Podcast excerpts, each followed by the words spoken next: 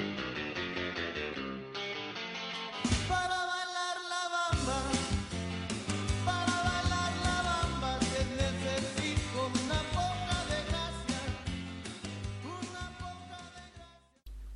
Ska vara varmt välkomna till veckans avsnitt av La Liga-podden. I eh, veckans avsnitt ska vi bland annat prata om eh, Malagas säsong, eh, eventuellt lite grann om bråket i Deportivo, en hel del om den sista omgången av La Liga och dessutom ska vi snacka upp veckans finaler i Europa League samt Copa del Rey. Daniel Jakobsson heter jag eh, som med stort engagemang faktiskt följde framförallt bottenstriden i helgens omgång av ligaslutet. Och eh, med mig har som vanligt Sam Saidi som jag antar kanske främst fokuserar på sitt Barcelona eh, som jagade sin 24 ligatitel i helgen. Är det korrekt Sam? Ja, det stämmer och eh, den inkasserades ju ganska komfortabelt i slutändan som var ganska förväntat. Men det ja, känns bra. Ja, lite schemaenligt där. Ja, väldigt, väldigt schemaenligt. Ja, eh, med oss den här veckan har vi även Hussein Youssef som gör sitt eh, andra inhopp i podden. Eh, vart la du ditt fokus i helgen Hussein? Ehm, jag hade ett öga på toppstriden också eftersom att ja, man håller ju på Real Madrid så man hoppades in i det sista men när man såg Granada-spelarens inställning så tänkte man att det var ganska kört ja. så. Ja, jag gillar att du lägger in det, man håller ju på Real Madrid. Det är liksom vedertaget att alla håller på Real Madrid. Men ja. Ja. Eh... Nej, bottenstriden höll man ett eh, starkt öga på eftersom att det, det var väldigt, eh, väldigt dramatiskt också in i det sista. Ja, precis. Och du sympatiserar ju även med Malaga, eh, men det kanske inte var så mycket av intresse just denna helg, kan jag tänka mig. Nej, de slutade ju på övre halvan, så det, det var ju lite lugnt där. Ja, precis. Jag tänkte att vi skulle komma in på det alldeles strax här. Eh, men vi går direkt in på första programpunkten då, som är veckans fråga. Eh, som är inskickad av Christian Melander till laligapodden gmail.com och dit kan ni andra också skicka era frågor och uh, lite ämnen och synpunkter och så vidare som vi kanske tar upp i podden framöver. Det är inte så många poddar kvar nu men uh, kanske två till, eventuellt en till bara. Vi får se. Uh, men skicka in era frågor och ämnen så tar vi kanske upp det nästa vecka. Christians fråga lyder så här i alla fall. Eh, tror ni att några klubbar kommer att sparka sina managers i sommar, det vill säga efter säsongen? Eh, som exempelvis Paco Gemes i Rayo Vallecano som verkar vilja stanna. Eh, vad, vad tror du Sam? Ja, det där är en väldigt intressant fråga. Speciellt när det kommer till Rayo Vallecano och Paco Gemes. För att det är ju en tränare som är väldigt uppskattad i Spanien. Men som, ja, om man kollar på resultatet så har han ju misslyckats eh, kapitalt egentligen. Han har ju fört ut sitt Rayo, eller Rayo har ramlat ur den högsta ligan. Så att, ja, den diskussionen kommer ju definitivt att eh, ja, föras i, i Rayo. Eh, sedan så kommer väl Deportivo. Det känns som att det alltid finns en tränardiskussion eh, där huruvida man kommer att ha kvar sin tränare. Det var lite turbulens eh, i, i, den klubben. Så Victor Sanchez, eh, var eller icke vara, kommer också nog komma upp på tapeten. Eh, så att ja, de två klubb, klubbarna framförallt skulle jag vilja säga. Ja, du tror inte ja. att eh, en sån som Abelardo i Sporting Gijon ligger i sig till? Nej, men jag tror man... Eh, det blir lite så här eh, en eh, segerkänsla när man klarar kontraktet där sista omgången. Så att det blir lite att man har vunnit en final och då är det det sista man minns. Ja, precis. Eh, vad, vad, tror du Sein? Tror du att det är någon manager här som eh, ligger lite risigt till? Eh, jag är inne på samma eh, spår som Sam där eh, med, Depor att Victor Sanchez hänger ganska löst med tanke på turbulensen. Jag skulle även vilja lyfta fram där Valencia då som kommer anställa en ny tränare i sommar. Jag tror, jag, det är väldigt liten chans att Paco Ayrestein stannar kvar efter, efter sommaren. Eh, vad gäller Sporting så de har ju ligans lägsta budget och eh, jag tror inte kraven var så högt ställda. Jag tror att kraven låg på att eh, hänga kvar och att man kunde bygga därefter. Ehm, så det är väl Victor Sanchez då som hänger lösast av alla. Ja, det har ju snackats en del nu också om att Galcha, tränaren i Espanyol, eventuellt ska försvinna. Och där har ju Pacachemes ryktats in. Vad tror du om en sån lösning, Hussein? Det känns inte som att eh, Espanyol och Paco Gemes eh, klickar direkt. Eh, jag skulle helst vilja se honom i lite större klubb Valencia till exempel då som vi pratade om. Eh, men eh, jag tror att, alltså personligen tycker jag väldigt mycket om Paco Gemes eftersom att han bygger upp sina lag eh, på sitt sätt och han kör sin egen linje men man måste ändå ifrågasätta hans defensiv, att hans lag gång på gång släpper in mest mål i ligan år efter år och till slut blev det ohållbart. Precis. Ja, och så ramlar man ur nu då. Så ja, vi får helt enkelt se vad som händer med Paco Schemes. Men eh, han kommer ju vara ryktenas man i sommar i alla fall, om inte annat. Eh, känns det som spontant. Men eh, jag tänkte att vi skulle gå vidare och vi tackar så mycket för frågan Christian. Den var väldigt eh, relevant måste man säga med tanke på att eh, säsongen är över nu. Eh, så att, eh, tack för den och har vi inte svarat på frågan får du gärna skicka in den igen. Eh, men eh, vi går vidare till nästa programpunkt som jag tänkte skulle vara lite Malaga då, nu när vi har med Hussein här.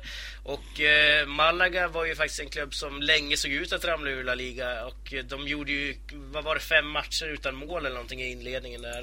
Eh, Men allting har ju vänt någonstans under våren här, eller vintern och eh, hur ser du på säsongen i stort Hussein? Väldigt, väldigt eh, bra säsong ändå, eh, måste man säga. Trots eh, den usla starten eh, med två segrar på 14 matcher. Det, är- det är ganska mycket och eh, man gick ju eh, flera matcher där utan att göra mål som du var inne på där. Eh, men eh, sen lyckades man vända den trenden och när man gick in i december månad så eh, kom man in i en eh, streak på sju matcher utan förlust, eh, varav en väldigt meriterande seger mot Atletico Madrid. Eh, och jag tror det var under den perioden man i princip säkrade kontraktet då. Eh, och därefter har spelet klickat och han har fått in de här yngre spelarna eh, i laget eh, blandat med, med de rutinerade spelarna. Eh, så han har fått väldigt bra utväxling på de yngre spelarna och det, det, det har ju bärt fram till att man har kommit eh, på åttonde plats, övre halvan. Eh, och ser man till förutsättningarna på eh, truppen, hur, det, hur den ser ut och vad man har tappat så måste man säga att den är eh, väl godkänd säsongen. Ja, väl godkänd säsong säger ju Hussein och även managern Javi Gracia har ju sagt att han är väldigt nöjd med säsongen och åttondeplatsen man slutade på. Eh, håller du med om det Sam? Tycker du att det har varit en bra säsong för Malaga i år? Ja, eh, med tanke på hur det startade och med tanke på ja, men, spelartruppen om man tittar på pappret. Man har tappat många spelare genom de senaste åren. Eh, och eh, ja, vi var väl lite oroliga där när vi körde igång podden huruvida det här Malaga skulle hålla och hur högt upp i tabellen man faktiskt kan förvänta sig. Så det, det tycker jag man ska vara, helt klart. Det, det är en bra genomförd säsong. Ehm, vi, vi, vi flaggade lite för bristen på en kontinuerlig målskytt men jag tycker ändå liksom Charles han, han ligger runt 12 mål där, det är ändå godkänt. Att Det, det är mycket så här godkänt över hela truppen. Så att, eh, och det, det talar sig tydliga språk. Kommer man åtta i världens bästa ligan då, då kan det inte vara något annat än godkänt heller om det inte är Barcelona eller Real Madrid eller något. Nej, precis. Man fick ju ändå trots allt, trots den här säsongen, som i säsongsinledningen, så kommer man alltså åtta, vilket är placeringen under Europa League-platserna. Eh, Så att det, kan man säga att målsättningen här, Sam, eh, kanske eh, motsvarar slutprodukten man fick av den här säsongen? Ja, sen så kanske man internt eller även ute, man kan, det, jag tror inte något lag, ja, målsättningen brukar ofta vara lite högre än förväntat. Så då kan det väl kanske vara att eh, jag tror inte det är många klubbar som kanske sett, sätter en målsättning vi ska komma åtta. Oh, vad nära vi fick en Europa League-plats. Utan då hoppas man på en Europa League-plats.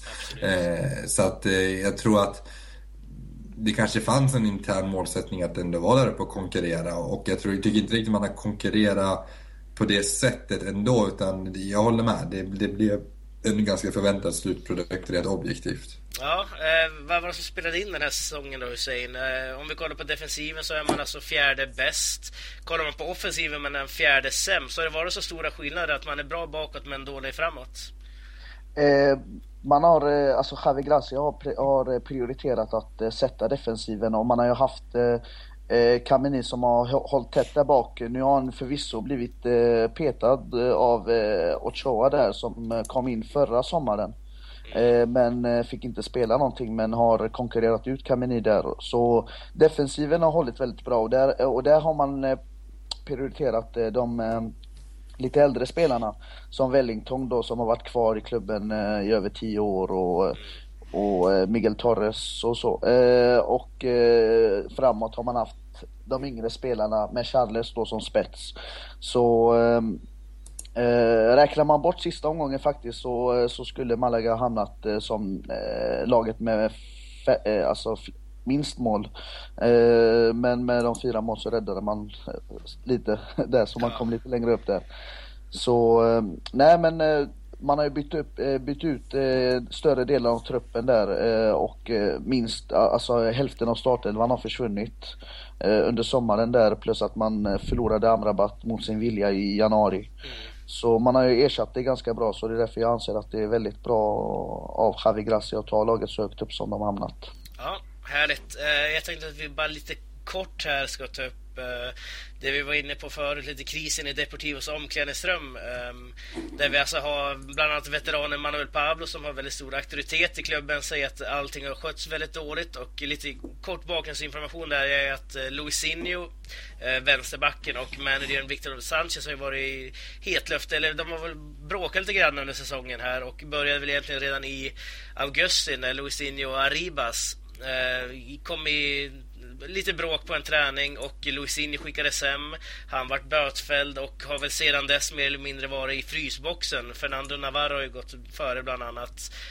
Um, och nu senast så var ju mot Villarreal var ju Fernando Navarro borta. Då tänkte man att Luisinho skulle komma in men ehm, Ja, han har inte riktigt fått det, de, några positiva besked om Victor Sanchez här och eh, nu senast har även Lucas Perez och Oriel Riera, anfallarna, bråkat på en träning men eh, då tog inte Victor Sanchez till samma måttstockar när det gäller de eh, två som är lite mer större stjärnor här och ingen blev eh, bötfälld eller utfryst. Eh, hur, hur, kan man tolka ett sånt här bråk, Sam? Eh, är det någonting man hade kunnat sköta på ett annat sätt än att gå ut i media varje gång det har hänt någonting här? Ja, det är väl självklart. Det där är väl ganska oprofessionellt att, eh, att inte hålla det internt och så. Men det är lättare sagt än gjort. Det händer ju eh, oftare och det blir väl roligare för oss som har en podd att mm. kunna prata om. Men ja, det, det är oprofessionellt och det, det, är dubbla måttstockar men det är inget ovanligt i, i, i dagens toppfotboll eller fotboll överlag. Utan det finns en makthierarki i alla spelartrupper Eh, Luisinho är väl kanske inte värderad på samma sätt som exempelvis Lucas Perez, vilket ger Lucas Perez en annan eh, liksom frihet att göra eh, saker och ting. Så att, eh, det är inga konstigheter, men kanske utåt sett så, så får ju Victor Sanchez lite, ja vad ska man säga, det, det framstår att han har väldigt dåligt ledarskap. Ja, eh han har ju blivit hotad också enligt honom själv i alla fall av Luisinho eh, mm. på träningar och så vidare. Och eh, medan Luisinhos eh, egen agent säger att han har blivit utfryst och kan inte göra någonting i den här klubben. Eh, mm. Går att ha de här i samma klubbens Hussein till nästa säsong? Eh, som det låter så eh, låter det inte alls bra. Det, det är varken bra för Depor som klubb eller för eh, tränaren så eh, någon av dem måste lämna. Eh, eller, eller helst för mig båda två eftersom att det eh, visar ändå som, som du säger på dåligt ledarskap av Victor Sanchez att han inte kan hålla, eh, hålla spelarna på rätt fokus. Jag tror du att det här kan ha någonting att göra med den här dåliga formen man haft under våren också? Att eh, oroligheterna i omklädningsrummet kan ha spelat in, Hussein? Eh, det, är, det är mycket möjligt. Man har, man har haft otroligt svårt att vinna. Man, man, är ju, man, är ju lika, eh, li, eh, man har ju minst eh, vinster av alla egentligen, men man har ju räddat upp det med att, eh, varit, att, att man har väldigt, varit väldigt eh, svårslagna. Mm. så på så sätt, men ja, det, det är mycket möjligt att den dåliga formen spelar in. Ja, precis. Jag tror att man Deportivo faktiskt har mest oavgjorda matcher i alla de stora europeiska eh, tabellerna i alla fall. Så att, eh, ja, de klarar sig på oavgjort den här säsongen. Får se hur det räcker nästa år om Luisinho eller eh, Victor Sanchez lämnar, eller båda två. Vi får kolla vad framtiden har att ge oss här. Men eh, vi ska sätta oss upp för direkt här nu. Och eh, när vi är tillbaka ska vi snacka om Europa League-finalen och Copa del Rey-finalen.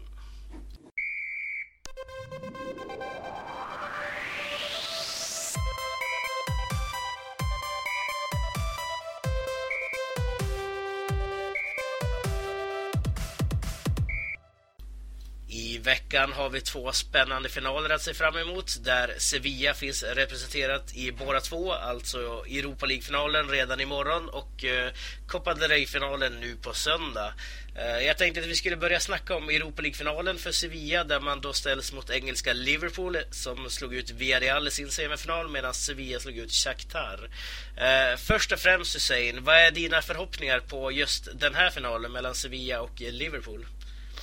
Eh, jag har väldigt höga förhoppningar. Det är två väldigt eh, bra lag eh, som har tagit sig så här långt och två lag som har Eh, förutom då en eh, stor titel att spela för, också eh, avancemang till Champions League att spela för eftersom de inte lyckades avancera via sin inhemska liga. Sevilla har ju två raka, två raka Europa League-titlar så de kommer ju med en enorm erfarenhet av att veta hur man vinner medan Liverpool kommer in med entusiasm och har vänt en dålig trend från i hösten till, till den här framgången. Så jag har en väldigt eh, stor förhoppning av att det blir en väldigt sevärd final. Ja, vad är dina tankar Sami inför finalen? Ja, jag är inne på samma spår. Det här kommer, det är en av de bättre finalerna de senaste åren om jag ska vara ärlig. Och det hänger mycket ihop med att det är mycket på spel. Det är dels en, en väldigt stor titel på spel men också just det faktum att en, en Europa League-seger ger ju en Champions League-plats, vilket ingen av de här klubbarna har. Så det här är ju en, man kan få in dubbla segrar. Så att det är ju otroligt mycket på spel. Men också just att det är ett erfaret Sevilla mot ett eh, på nytt född Liverpool någonstans med någon slags galen klopp-effekt. Så att det här är en, en final lite utöver det vanliga skulle jag vilja påstå. Ja, eh, vi har ju här då alltså ett eh, Sevilla som ställs mot det lag som eh, slog ut Villarreal och Villarreal, Villarreal slutar ju faktiskt fyra i ligan medan eh, Sevilla slutar väl sjua va? Eh, mm. Så att jag menar, det är ändå ingen dålig klubb som Sevilla ställs mot här nu. Men vad tycker du Sam att man ska försöka utnyttja det här läget Sevilla? Vad ska man ta för lärdom av Villarreal-matcherna? Sevilla eller? Ja, precis. Eh, jo, men Sevilla ska ju försöka utnyttja, man ska utnyttja, man ska nyttja sin, eh, sin erfarenhet framförallt och man ska ta vara på att Liverpool stundtals kan vara lite orutinerade och virriga även om klubben i sig har en, en stark historik och det finns rutinerade spelare så, så kan vi se under vägens gång att det inte var det samma Eh, Eh, stabila väg som, som eh, Sevilla har haft. Sevilla har ju verkligen bara ja, men sopat mattan med lagen på ett ganska enkelt sätt. Inte att de har varit överlägsna, men det har liksom känts väldigt stabilt hela vägen. Liverpool har ju varit ute ena sekunden och sen gjort mirakelvändningar och det här tror jag Sevilla verkligen eh, Ja, det kommer bli intressant att se om Sevilla åker på den här kloppeffekten eller om man faktiskt eh, också stabilt sett ändå vinner väl Liverpool, även om det kommer bli spännande givetvis. Ja, eh, nyttja stabiliteten säger Sam. Vad säger du Hussein? Vad är det Sevilla ska försöka nyttja eller utnyttja i den här matchen? Eh, ska utnyttja Liverpools eh, orutin av att vara på den här, eh, vid den här, alltså det här laget har inte varit så här långt eh, på väldigt länge. Eh, medan Sevilla då har ju, har ju två raka Europa League-titlar. Så de ska utnyttja Liverpools eh, of, alltså ofokus eh, av att eh, inte, ja, laget inte sitter helt heller. Eh, Liverpool har inte fått, eh, Klopp har inte, har inte satt sin prägel helt och hållet på laget än. Trots att det ser väldigt bra ut nu så kan kanske Sevilla utnyttja det. Ja, om vi vänder på frågan då. Vad ska Sevilla se upp med i den här matchen?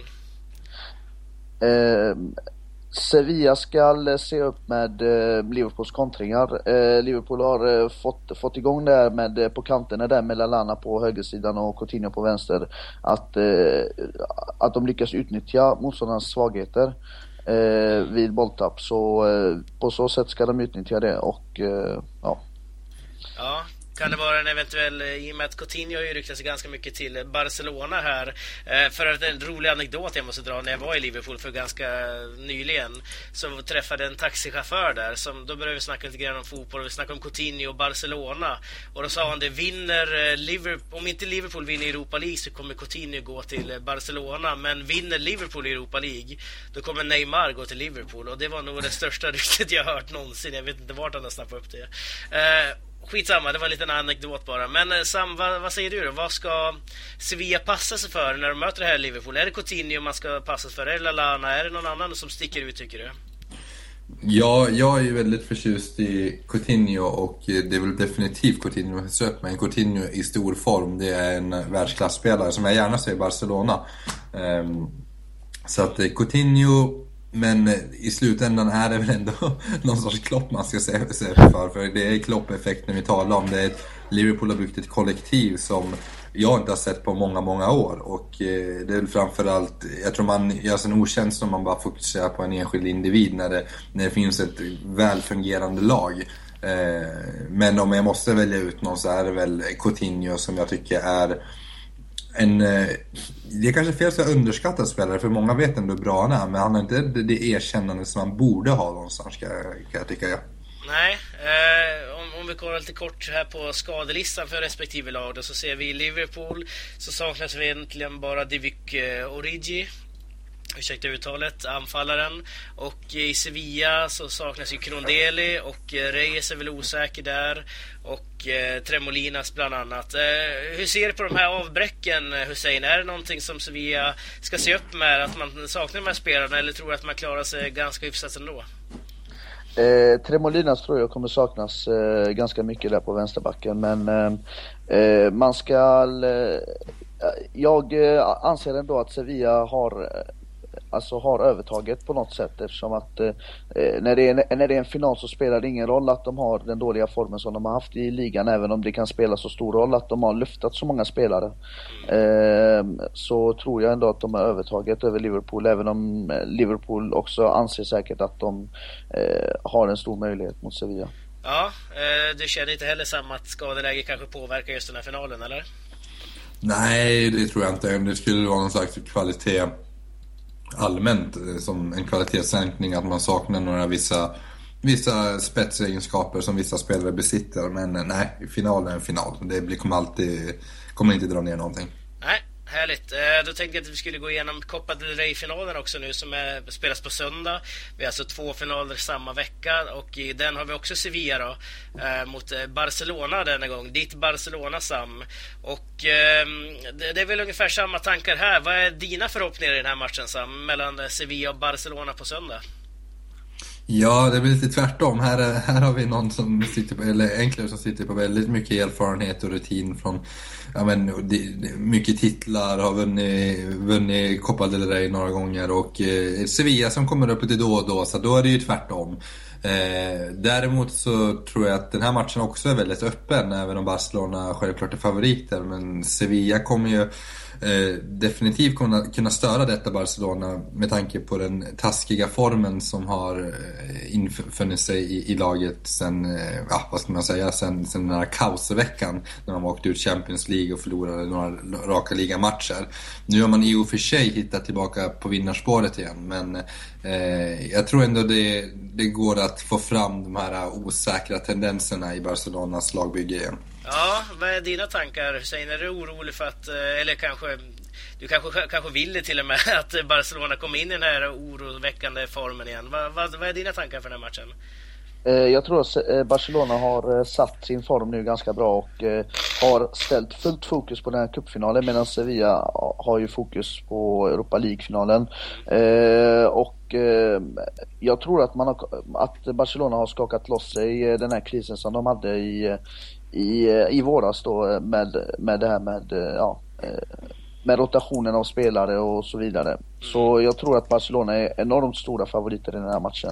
Men jag hoppas att det blir en öppen match, men som det känns så tror jag att Barcelona tar den ganska enkelt till och med. Ja, eh, vad känner du mer meriterande i det här läget då? Att Sevilla slår Liverpool i Europa League-finalen eller att Sevilla skulle slå Barcelona eh, i Copa del Rey? Vad är mer meriterande för Unai Emery? Eh, då tar jag att eh, de vinner cupfinalen eftersom att de har haft otroligt svårt att ta inhemska titlar mm. medan eh, de har haft stora framgångar i Europa. Eh, så att kunna slå Barcelona och ta en inhemsk titel tror jag skulle betyda mer för Sevilla i detta läget än att ta en Europa League-titel och ta sitt Champions League. I och för sig är det otroligt stort för Sevilla men jag tror att de, de helst tar cupfinalen. Ja, tror du också det Sam? Yeah. Jag tror symboliskt så tror jag man tar, tar Copa del Rey-finalen eh, just eh, av de anledningarna som jag var inne på här. Men jag tror att eh, om, om, vi tittar på realiteten och hur det ser ut och vad som faktiskt betyder mest rent utifrån objektivt så tror jag definitivt man hellre skulle vinna Europa League-finalen även om man har gjort det x antal gånger. Ja, eh, om vi jämför Luis Enrique här med Unai Emery då i Sevilla, Luis Enrique i Barcelona. Vem, är det någon som, av de här managern som har något slags övertag mot varandra Eller känner du att det är eh, ganska jämnt i en sån här final oavsett? Nej, jag skulle inte säga att det finns något övertag, men eh, däremot så eh, Luis Enrique är ändå en, en tränare som kommer från en trippelsäsong. Han har inkasserat en ligatitel, en eh,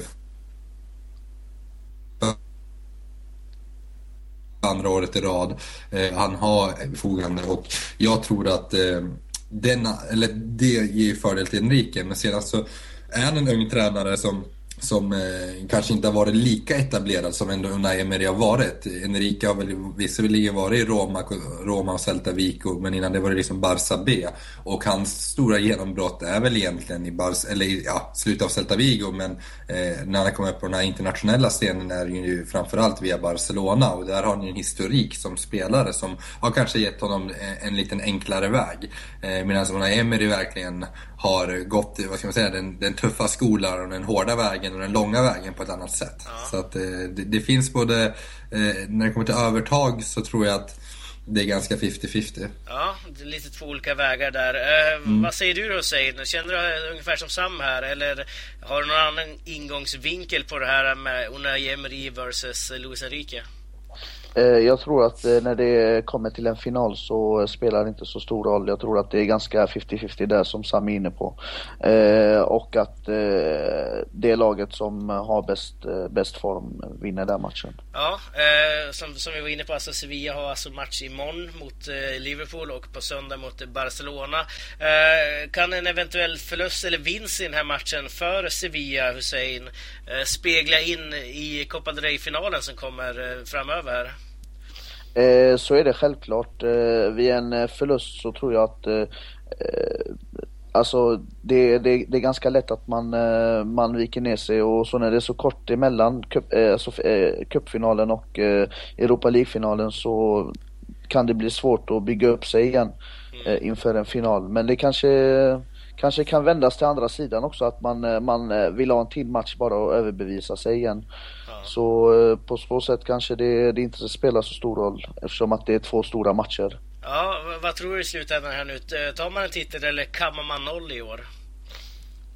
Eh, jag tror man eh, går ut från de här två matcherna med noll titlar. Noll titlar. Ja, vad säger du Sam? Eh, ja, jag är nog inne på samma spår. Jag tror också att Eh, Eh, det här kan bli noll titlar i slutändan och det vore väldigt tråkigt för att det, det är ändå ett lag man, man vill ha med i de här stora turneringarna, speciellt i Champions League till hösten. Men jag tror att Liverpools eh, kloppeffekt och Liverpools entusiasm just nu som infinner sig i laget ja, den, den kommer bryta den här Sevilla-förbannelsen av, av eh, Europa League. Ehm, så att, eh, och Barcelona, visst man har, kommer från den här Cruyff-krisen om vi kan kalla det så. Satte jag namn på den. nu, nu hittar vi namnet. Ja, Cruyff-krisen. Ehm, så att, eh, men Barcelona kommer ändå med fem raka segrar. Jag tror inte man har släppt in ett enda mål de senaste fem matcherna och man har gjort otroligt mycket mål. Så att, ja det, det, ser så ut. Det kan bli noll, noll, eh, noll titlar i år. Ja, det är såklart tungt för Svea som har tagit sig till final i två, på två fronter här. Men eh, vi får helt enkelt se vad som händer där. Eh, vi ska sitta stopp här nu för finalsnacket. Och eh, när vi är tillbaka så ska vi gå igenom den sista omgången av La Liga.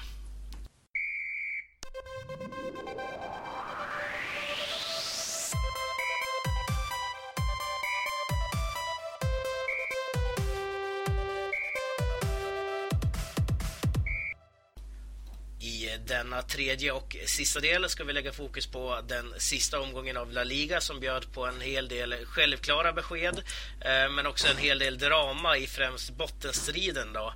Eh, och jag tänkte att vi skulle börja med det som mer eller mindre kändes givet redan på förhand, det vill säga att Barcelona skulle vinna sin 24 ligatitel. Det här var ju någonting som vi var inne på i podden förra veckan och egentligen förra, förra veckan och egentligen hela säsongen mer eller mindre. Mm. Hur känns det att bli kallad för mästare igen Sam? Ja, men det känns härligt, speciellt efter den här Cruyff krisen så börjar man ifrågasätta eh, Barcelonas, eh, eller inte ifrågasätta, man, man visste väl att det fanns en grundkvalitet och förväntningarna var skyhöga. Eh, men efter den här krisen när, när både Atletico och Real knappade in så var man inte lika säker på den här ligatiteln som i praktiken ändå kändes ganska klar väldigt tidig. Men det, känns, det känns väldigt bra och det är väldigt stort måste jag säga. Luis Enrique har två av två ligatitlar. Det är väldigt bra jobbat och det är cred till, cred till Barcelona och Enrique, helt klart. Ja, hur ser du på dina antagonister, säsong Hussein? Ditt Real Madrid kom ju tvåa i, det här, eh, i den här tabellen. Eh, ligan levde ända in till det sista på grund av att Barcelona släppte in eh, både Atletico och Real Madrid i, eh, i titelkampen där med den dåliga formen. Mm. Men i slutändan så måste man säga att Barcelona är värdiga mästare. De eh, har spelat bäst fotboll i ligan, har haft bäst form, Eh, och avslutade otroligt starkt trots att både Atletico och Real Madrid flåsade bakom dem. Eh, där Suarez var den främsta spelaren som nästan bar laget på sina axlar med 14 mål på fem matcher som är helt sinnessjukt egentligen. Ehm, eh, så eh, ja, eh, och, och sen eh, en annan stor grej där för Barcelona var att eh, de hade, alltså som bar, alltså som öppnade vägen för ligatiteln var ju de 12 raka segrarna som man hade från januari ända till den dåliga formen. Ehm, så ja, värdiga mästare Barcelona. Ja, eh, Sam, varför vinner just ditt Barcelona La Liga i år? Har du någon förklaring till det? Ja, det är väl lite samma förklaring som, eh, vi, som i våra, eller förra våren vi satt här. Barcelona har hittat eh, Eh, en, eh, ja, vad ska Enrique har lagt in en ny dimension i spelet och det finns en grundharmoni i laget framförallt.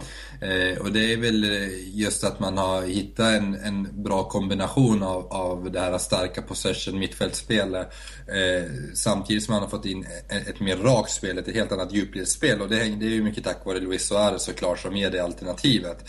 Eh, och det har man fortsatt, man har fortsatt på den inslagna vägen från förra säsongen och eh, i stundtals var man ju till och med en Speciellt under hösten och i början där i januari, februari.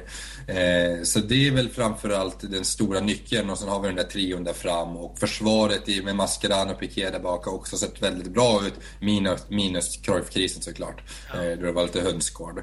Men eh, det är väl framförallt eh, den här nya dimensionen man fått in med ett helt annat alternativ i djupled som jag skulle säga är den främsta nyckeln.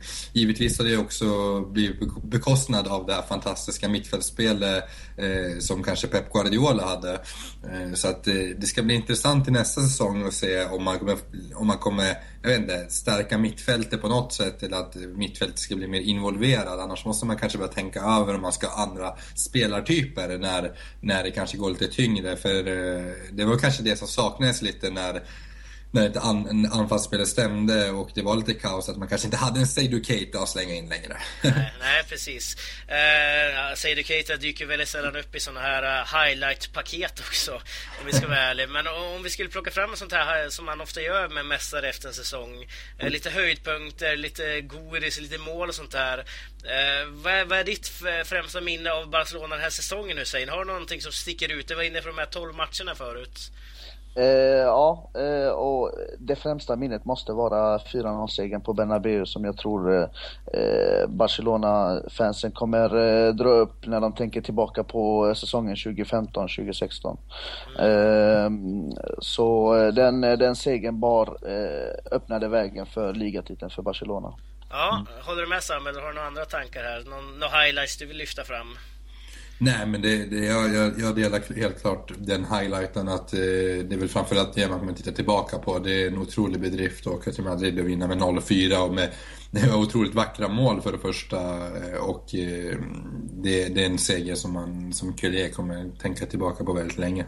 Ja, Eh, någonting som däremot många vill glömma tror jag, det är ju bottenstriden där vi faktiskt... Eh, det, det, var tre lag som riskerade att åka ut och såklart så var det ju då två som fick lämna och det blev i år Getafe.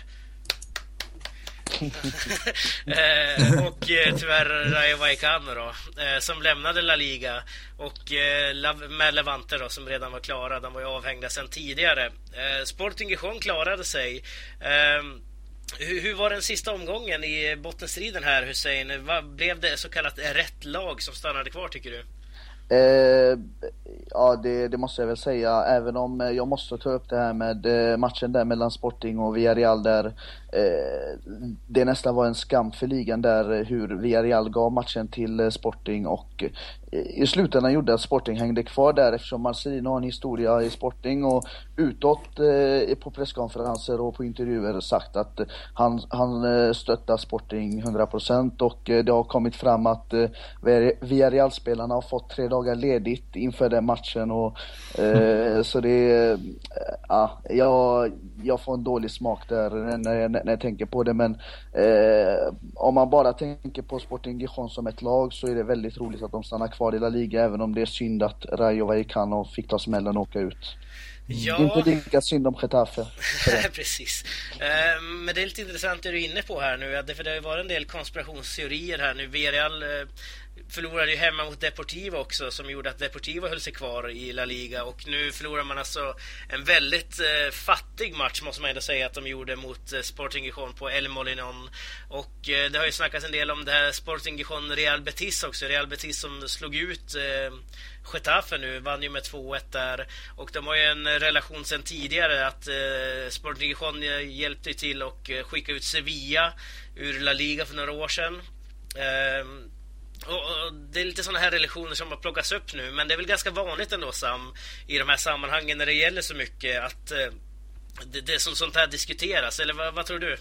Ja, det är klart det gör. Och eh, det är väl en, en, en ständig balansgång hur, huruvida man kan eh, prata om eh, att ja, de, de gav inte allting. Det, det fanns inget att spela för. Eh, blandat med att det faktiskt är ändå en ligamatch. Jag tänker kanske i to- även i toppstriden när Granada mötte Barcelona kanske det blev en annorlunda match om Granada verkligen behövde slåss för, si- för sin överlevnad. Eh, så de här, de här teorierna eller de här misstankarna är ganska naturliga.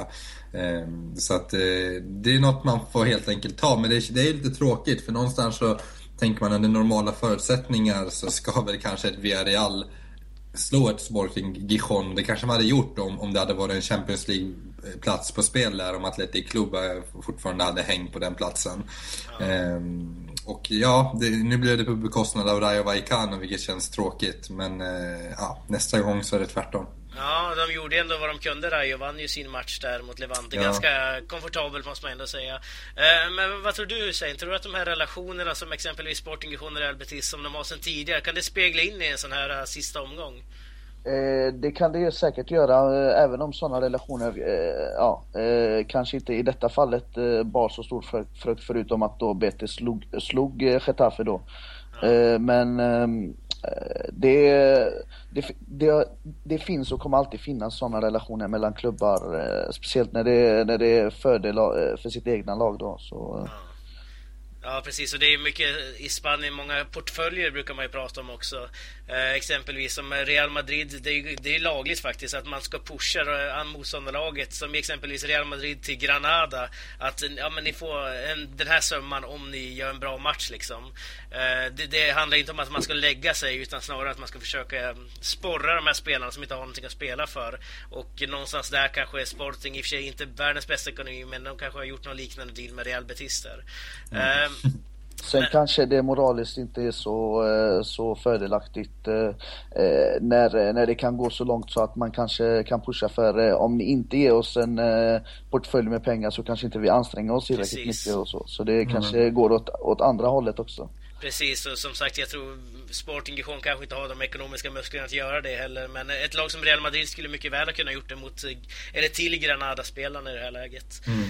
Eh, och Barcelona till Deportivo-spelarna förstås. Eh, men om vi kollar lite kort här nu innan vi avslutar. Eh, de här tre lagen, alltså Rayo Vallecano, Getafe och Levante som lämnar La Liga. Vilka tror du Sam kommer ha det tuffast i Segunda? Det är ju ett getingbo där nere. Det är inte lätt att komma upp på första säsongen. Eh, vilka lag sa du nu? Du sa... Ja, Levante, Rayo och Ja, ah, okej, okay, som åkte ner. Ja, ja. Eh, jag tror du pratade om de som kom upp. Ja, nej. nej, de som åker ner. Och jag tror ju att eh, Getafe som är ett, ett plastbygge någonstans i slutändan man eh, kommer få det tuffast. Eh, nu vet jag kanske, nu kanske man börjar från scratch lite och då, då får man det ju ändå tufft eh, om man ska börja bygga från grunden nu och, och hitta någon slags kontinuitet i, i, klubben. Men jag både tror och hoppas att Getafe eh, få några år i segundan nu och hitta sig själva och lägga ner alla de här konstiga eh, dealarna man gör med Team Dubai och så vidare och så vidare och alla märkliga inlåningar och allt märkligt som sker kring den klubben. Jag tror att det finns en, en större stabilitet i klubbar som Levante och Rayo Vallecano som, kom, som har en grundfilosofi och som har en grundhistorik som eh, man kan luta sig tillbaka på. Det finns eh, ett helt annat tänk i de klubbarna vilket gör att de kommer ändå hålla sig i, på den övre halvan av tabellen. Ja, vad tror du Hussein? Sam tror att Getafe får det tuffast av de här tre. Vilket, vilket lag tror du får det tuffast? Eh, jag tror, jag håller helt med där att Getafe, det, det, kan dröja väldigt, väldigt länge innan vi ser dem i La Liga igen. Eh, och det, det är väl lika bra så att eh, de andra lagen kan lära sig att, att inte missköta en klubb på det sättet som Getafe har gjort. Att Eh, man har ju haft väldigt eh, lite publikstöd också på, på, på arenorna, vilket har ändrat sig de senaste matcherna när de till slut efter 12 år i La Liga har bestämt sig för att sänka eh, biljett, biljettpriserna. Så att de ska få fler folk på, på matcherna. Men eh, too little too late som man säger så... Eh, ja. Men eh, och sen så har ju Levante och eh, Rayo väldigt eh, stram budget båda två. Så det kan även vara svårt för dem att ta sig ur, som du säger, eh, Segunda är ett getingbo där med många lag som, eh, eh som satsar. Så. Mm.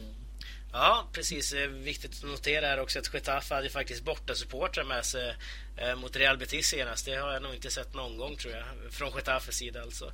Eh, sen ska vi även notera att samtliga tre nykomlingar, eh, Real Betis, Las Palmas och Sporting Gijon, faktiskt klarade sig i år. Och det kan jag inte komma ihåg senast det hände, att alla tre nykomlingar höll sig kvar.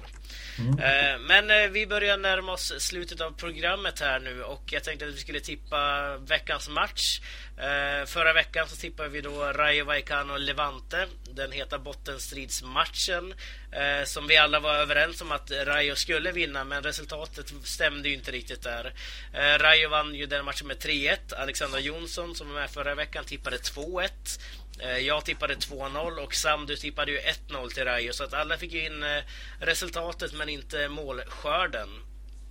Eh, denna gång så tänkte jag att vi skulle tippa Copa del Rey-finalen nu på söndag mellan Sevilla och Barcelona. Eh, och jag tänkte Sam att du ska få börja tippa den här matchen. Ja, eh, jag eh, tippar utan en djupare motivering egentligen en, en eh, 3-1-seger till Barcelona. 3 till Barcelona och här kan vi även lägga till att då får man såklart tippa in en eventuell förlängning och straffläggningar här också så att det kan bli många mål här. Ja. Vad tror du Hussein? 3-0 till Barcelona. 3-0 till Barcelona, ja. Um, ska jag gå emot er här nu? Jag, jag, känner så här att Sevilla vinner ju inte Europa League tror jag. Uh, men då tar man Copa del Rey istället, så jag säger 2-1 till Sevilla mm. faktiskt. Mm. Ja, jag måste ju få chansen lite för att kunna vinna i den här podden någon gång. Jag får ju väldigt sällan in mina resultat, till jag inte får den här veckan heller. Uh, men uh, Sam, ska du köra veckolistan? Eh, ja, eh, vi kan ju börja med veckans Tokero och det är väl, eh, ja, det, det, är väl svårt att inte ge den till Luis Suarez som någonstans har gjort en helt otrolig säsong. 40 ligamål och han har brutit den här förbannelsen med att det ständigt är Messi och eh, Ronaldo som har, som har eh, ja, vunnit Pichichi. Så att det, det, är otroligt stort i, idag, eller att komma till La Liga, vad är det, andra säsongen och då spelar han inte ens hela förra säsongen och faktiskt kamma hem den skytteligan. Ja, det, är, det är en fantastisk bedrift och det, det är lite som det Hussein var inne på i slutet så, så bar han ju i stort sett hela målproduktionen på egna axlar. Ja, eh, ja. veckans Faber då? Veckans Faber kom, hittar vi i, i Sevilla, fast i den gröna delen, i Ruben Castro. Eh, spelaren i Sevilla där som faktiskt står åtalad för eh, kvinnomisshandel. Och det, det, det, känns som att det är mycket åtal mot spanska spelare och är det inte skattefusk så är det tydligen att man inte ja, sköter sig på andra sätt och eh, bara är ett svin verkar det som. Ehm, så att ja, den spanska fotbollen och Ruben Castro och när det kommer till rättegångar och så, ja, där, där finns det mycket att jobba på. Det finns lite värdegrundfrågor tror jag inom fotbollen i Spanien. Ja, precis. Eh, ska vi notera där också att Ruben Castro alltså hotas av eh, fyra års fängelse ja. i eh, anfallen i Real Betis. Den stora stjärnan där i Real Betis någonstans. Ja. Och det är ju en fantastisk fotbollsspelare så att det, det är ju väldigt tråkigt när sånt här kommer, eh, ja, ja när, när, hans fotbollsegenskaper hamnar i skymundan. Precis, och han är ändå 34 år så det kan ju eventuellt vara slutet på en fantastisk fotbollskarriär karriär där i slutändan. Men eh, skitsamma. Mm. Eh, köper du listan Hussein? Är det någonting du vill lägga till där? Eh, köper listan helt klart. Mm, härligt, men eh, då tackar jag dig så mycket för att du var med den här veckan. Det var jättekul att ha med dig igen. Mm. Eh, det var ju ett tag sedan, att se vad som händer framöver här. Det kommer en ny säsong runt hörnet, här. det går ju väldigt snabbt. Eh, och tack till dig också Sam Eh, för att du var med även denna gång och gav dina bländande analyser om man får säga så. Tack eh, själv. även om jag försökte, jag eh, höll på med en kupp i podden där i inledningen. ja, precis. Det är någonting vi inte ska tala om här nu. Men, och tack till er som lyssnat också. Vi är tillbaka nästa vecka med en ny gäst och nya ämnen. Och ni får gärna skicka in era egna ämnen till laligapodden gmail.com Eller om ni har några synpunkter eller om ni vill vara med i podden och så vidare så är det bara att höra av sig. Eh, besök gärna laligapodden.se också där det ligger lite gamla klipp och så vidare. Eh, tack så mycket för oss. Hej då! Hej då! Hej då!